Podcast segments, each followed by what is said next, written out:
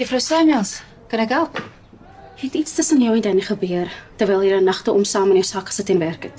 Is dit wat hy gesê het? Ja. Maar ek dink hy soek net 'n wy om ons langer uitmekaar te hou terwyl die diensvrou nog nie gevang is nie. Ek ken vir Danny, dis nie die tipe ou wat hy is nie.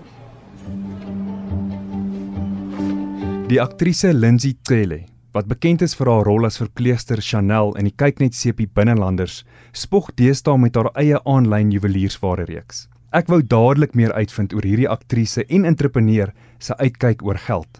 Ek en Lindsay kuier hier op die stel van Binnelanders. Lindsay, baie welkom op Kuns met Kontant. Dankie Enko, dit is 'n groot voorreg. Dit is Kersfees en ek moet iets moois vir my vrou onder die kersboom sit. Vertel my meer van jou juwe juweliersware reeks. Die reeks se naam is Luli. Um dis actually 'n naam wat my klein broertjie vir my gegee het toe hy nog babatjie was. Hy kon nie Lindsay sê nie en die naaste wat hy kon kom by Lindsay was Luli. en dit was so 'n affirmation van my want toe ek gaan opkyk wat Luli beteken, het dit presies gesê wie en wat ek is. So dit het vir my baie goed laat voel, vir my baie van omdat mental health and affirmation so 'n groot ding is vir my het ek besluit om die twee te soos marry en ehm um, so die reeks se naam is Luli ehm um, en met elke stuk kom daar affirmation. So vir my is dit belangrik dat elke vrou wat my juweliersware koop elke keer as hulle iets aansit moet hulle 'n uh, 'n affirmation ook aansit. So as jy as jy iets vir jou vroutjie koop, weet net, ehm um, jy gaan haar affirm wanneer jy iets vir haar koop. en sy gaan elke keer 'n woord van bevestiging kry as sy daai hangertjie om haar nek hang in die oggende. Presies. Nou is daar 'n woord van bevestiging en 'n stuk in jou reeks op die oomblik wat jy sal aanbeveel ek vir my vrou nou aanlyn gaan bestel. Daar is 'n set wat na 'n vriendin van my genoem is. Dis The Abbey en die affirmation is I am relentlessly passionate. As jou vroutjie daai ene aantrek, gaan sy net passionate wees daai dag. ek glo. jy het 'n passie vir die teater vir verhoog vir TV. Jy het 'n passie vir besigheid. Wat anders wil jy nog doen? Ooh, Henko, is so baie goed wat ek wil doen. So baie projekte, soveel besighede wat ek wil aanpak, maar ek glo ook moenie praat totdat jy gedoen het nie, maar wat ek wel sal sê is, soos jy, wil ek ook baie graag radio doen. O, oh, en ek moet net sê praat van online. Um Luli het kan jy op Instagram vind, jy kan dit op Facebook vind en het ek ek het ook 'n webwerf, Luli Online. Ja, luisteraars kan saam met my en jou op RSG en Henko Kreer en jou sosiale platforms kom ja. kuier. Hulle is ook baie welkom om kommentaar te lewer deur 'n SMS te stuur aan 45889.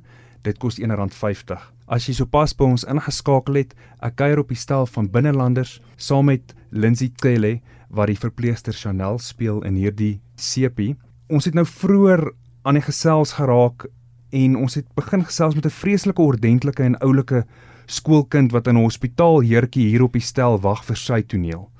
Op watter stadium van jou jong lewe het jy besef hierdie is 'n talent waarmee jy jouself sal kan onderhou? Ek was baie jonk toe ek toe ek weet ek wil baie graag hierdie doen. Uh my ma het groot produksies gedoen vir kerke en so ek was so 3 jaar oud die eerste keer toe ek op op 'n verhoog was. Om eerlik te wees, ek het ek het nie gedink oor die finansiële aspek van akteur of aktrise wees nie. Ek het net geweet hierdie is wat ek wil doen. So, toe ek op hoërskool was, het ek dadelik vir my ouers gesê ek wil drama swat en ek wil aktrise word. Ek het nie geweet of dit beneficial gaan wees vir my um finansiëel nie, maar hier is ek nou, ek leer. Maar persoonlike finansies is ongelukkig een vak wat hulle nie op drama skole aanbied nie. Hmm. Dink jy dit is iets wat moet verander? Ag, beslis 100%. Ongelukkig leer hulle nie vir jou hierdie goed op skool of op universiteit nie. So ek moet nou myself myself leer oor finans finansies en sulke goed. Omdat ons freelancers is, het ons 'n baie moeiliker um pad om te stap in terme van finansies. Dit sal baie help as hulle vir ons leer oor oor sulke goed. Nou watter medium dink jy sal by hulle aanklank vind om hulle te leer van geld? Wel dan vir jou vir hierdie program. ek dink um baie mense sal sal baie leer hier uit, maar ek dink ook um ons generasie in en ons industrie omdat ons so baie lees met scripts en sulke goed. Ek dink 'n medium wat goed sal wees om vir ons te leer oor finansies is goed soos podcasts, um YouTube channels, social media. Dis nou waar um al die inligting opgesponge word. Nou kom ons vat iets eenvoudig soos om byvoorbeeld SARS opgawes elke jaar in te dien. Jy as 'n vryskutwerker of 'n kontrakwerker, is jy vertrou daarmee om self jou SARS opgawes in te dien of moet iemand anders dit vir jou doen? Toe ek eers begine werk het, het ek geen benul gehad hoe om dit te doen nie, soos niks nie. Um en so ek het iemand gehad wat dit vir my doen. Ek het steeds iemand wat dit vir my doen, maar ek het dit my mission gemaak om myself op te lei hoe om dit self te doen. Want nou moet ek iemand anders betaal om iets vir my te doen wat ek self kan doen. En wanneer jy nie weet hoe om iets te doen nie, lyk dit soos hierdie groot berg wat voor jou lê. Maar as jy net educated is en weet hoe om dit te doen, sal jy sien dis simpel. Opvoeding en kennis is mag en 'n mens kan selfs werkswinkels hou om jong mense op te lei wat hierdie hierdie veld betree. Maar as 'n kontrakwerker en hier by binnelanders Is jy iemand wat voldoende mediese en begrafnis en aftreepolisse in plek het? Ongelukkig nie. En dit maak my baie sad om dit vir jou te sê. Um So ek weet, ek weet ek het pros en cons vir iemand wat nou my 3de jaar, 4de jaar by binnelanders is.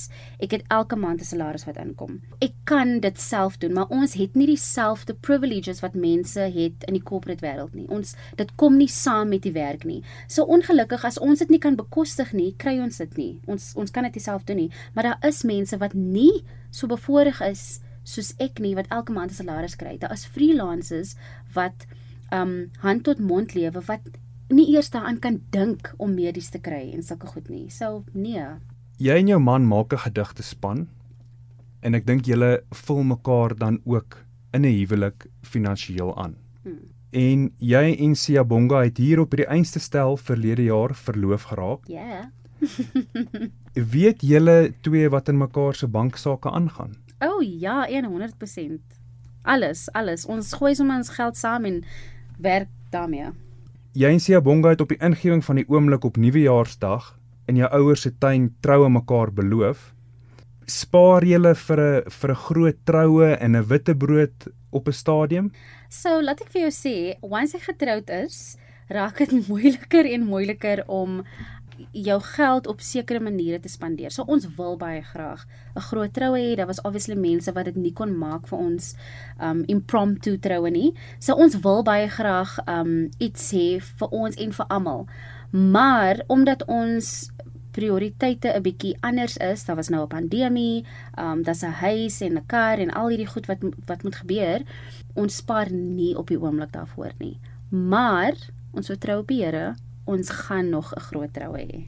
Jy verwys na die pandemie. Hoe kan kunstenaars mekaar ondersteun tydens hierdie moeilike tyd, veral nou met hierdie vierde vlaag van die koronavirus? Ek glo met my hele hart en siel, jy moet 'n entrepreneur wees. Jy moet. Jy kan nie iemand anders help voordat jy jouself gehelp het nie. En ek glo Byvoorbeeld as jy 'n aktrise wil wees, jy kan nie net dit wil wees nie. Jy moet werk vir jouself skep en in turn werk vir ander skep. Jy moet leer hoe om te skryf, hoe om te direk, hoe om te produce, hoe om radiowerk te doen, hoe om juweliersware te verkoop. Jy moet 'n entrepreneur wees sodat jy ander kan help. Ek sien nou die die jong man in die hospitaal heertjie weer hier verby ons stap. Hmm.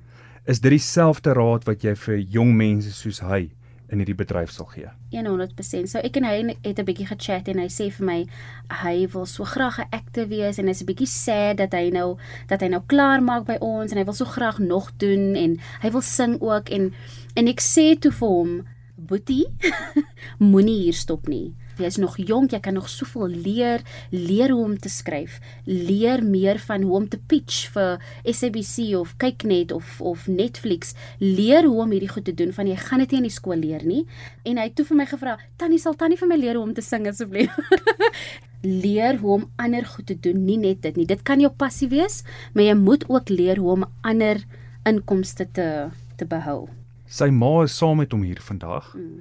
Hoe het jou ouers met geld te werk gegaan tydens jou grootword jare en het dit 'n impak gehad op hoe jy met geld werk? Ek en my man en my swaar het actually net gisteraand hieroor gepraat en ons almal het gepraat oor ons ouers en omdat hulle nie altyd alles geweet het nie, het ons groot geword om nie alles te weet nie. Byvoorbeeld, ek leer nou eers hoe hoe om met krediet te werk op die regte manier. My ouers het wel vir my geleer hoe om te spaar, hoe om jou geld so te prioritize dat dit vir goeie goed gaan en nie net negligent is nie. Maar verder as dit, moes ons maar leer hoe om met geld te werk. Die personeel hier in die hospitaal is maar op hulle hoede vir Ad Koster. Het Ad al ooit sy meer teenoor Chanel verloor? Oh. So een van my eerste eerste scenes was met Ad Koster met Hans Strydom. Ek het nog nooit vir hom ontmoet nie, maar ek het obviously geweet hierdie legende van 'n man. Ek gaan nou 'n scene met hom hê. Ek was excited, maar ek was nervous. In hierdie scene moes Ad Koster vir Chanel uitskel vir een of ander ding. En Ek was so nervous want ek was nie seker is dit nou Ad Koster wat vir Chanel skree nie of is dit nou Hans Strydom wat vir Lindsay skree nie. so ja, dit was 'n bietjie nerve-wracking. Maar hoorie so, hulle soek vir Chanel in 'n toneel, so ek moet myself uit die voete maak.